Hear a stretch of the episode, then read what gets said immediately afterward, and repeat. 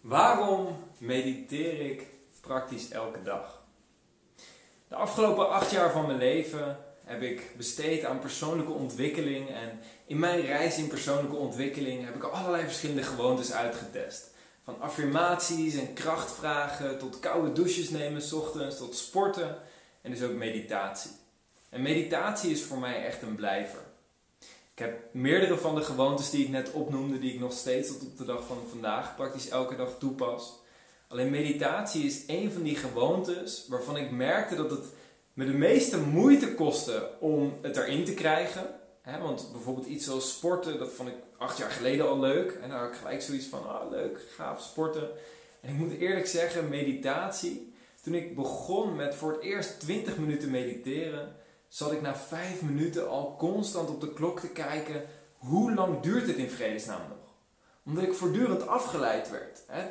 20 minuten lijkt niet zo lang, maar als je in je eigen gedachten gekeerd bent en alleen maar aan het focussen bent op je ademhaling, dan kan het in het begin heel lang lijken, als een eeuwigheid.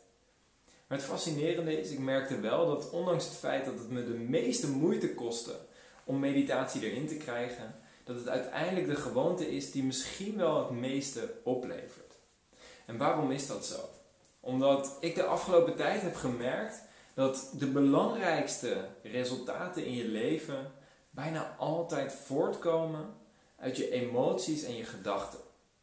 Je emoties en je gedachten zijn namelijk wat jouw acties de hele dag door stuurt.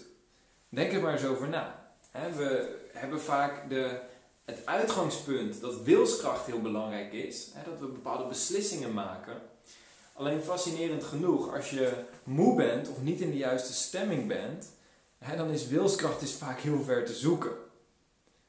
En tegelijkertijd, je kunt je de meest luie persoon indenken waarvan je het idee hebt, die heeft helemaal geen wilskracht. Maar op het moment dat die zich fantastisch voelt op een bepaalde dag, reken maar dat hij dan een stuk meer gedaan krijgt dus wilskracht is voor een heel groot deel afhankelijk van je stemming en van je emoties. Tijdens trainingen in persoonlijke ontwikkeling wordt wel eens het model uitgelegd dat je start met je gedachten, dan je emoties, vervolgens je acties, vervolgens je gewoontes, want je gewoontes zijn niks meer dan acties die je regelmatig herhaalt, en vervolgens je resultaten.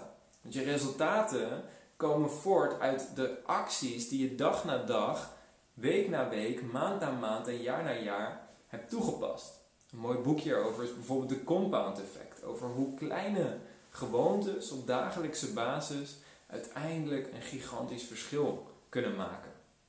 En als je daarover nadenkt, dan is meditatie is een soort gewoonte die alle andere gewoontes aanstuurt. Omdat wanneer je kalm bent van binnen, jezelf goed voelt in je lichaam, je jezelf rustig voelt in je lichaam, je over het algemeen betere beslissingen kan maken, je helderder kan nadenken, je helderder keuzes voor jezelf kan maken en je uiteindelijk ook meer wilskracht hebt.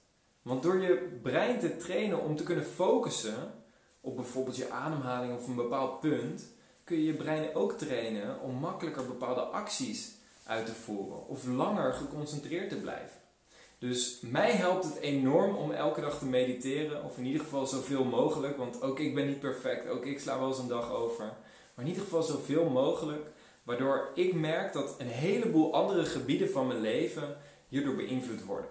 En een van de obstakels die ik wel eens tegenkwam, is dat ik altijd dacht van ja, ik heb vandaag zoveel te doen. Ik heb een to-do-lijstje met 20 eh, taken en ik weet dat ik er maar 10 kan uitvoeren. Ga ik dan echt ook nog 20 minuten of 30 minuten besteden aan meditatie, waardoor ik nog minder tijd heb in mijn dag om al die taken uit te voeren. En dat is voor mij vaak een reden geweest om het over te slaan. Alleen uiteindelijk merkte ik dat bijna altijd de kwaliteit van mijn werk dan uiteindelijk omlaag ging. En dat zou je misschien niet na één dag merken. Dus één dag kan je dat nog wel maken. Alleen wanneer je dan een week verder bent, een maand verder bent of een jaar verder bent en een jaar lang niet hebt gemediteerd, dan plotseling merk je dat de kwaliteit van je werk wel drastisch is gedaald. Terwijl, als we eerlijk zijn, hoeveel verschil maakt het? Of je nou 8 uur op een dag werkt of 8,5 uur.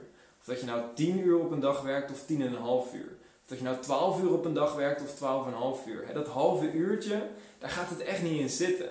Als je voor jezelf niet een half uurtje tijd kan maken om aan jezelf te werken en je persoonlijke ontwikkeling serieus te nemen, dan heb je eigenlijk geen leven. Dus ik zou je de suggestie willen meegeven, als dit je aanspreekt, als de gewoonte van mediteren je aanspreekt, om dan in ieder geval een half uurtje per dag te nemen om deze gewoonte echt in je leven te integreren. Uiteraard, als je andere gewoontes hebt die voor jou beter werken, is dat ook helemaal goed. Alleen als je merkt dat je nog wat weerstand hebt tegen meditatie, omdat je tot nu toe geprobeerd hebt, maar het niet zo makkelijk was, hè, je heel veel gedachten merkte, dan heb je het waarschijnlijk juist te proberen. Want hoe moeilijker meditatie is, hoe sneller je afgeleid wordt, hoe harder je het waarschijnlijk nodig hebt. Goed, dat was mijn boodschap voor je in deze video. Ik hoop dat je hier iets aan hebt en ik hoop dat je dit kan gebruiken om uiteindelijk de kwaliteit van je leven te verhogen. En ik zie je graag weer in een andere video. Ciao!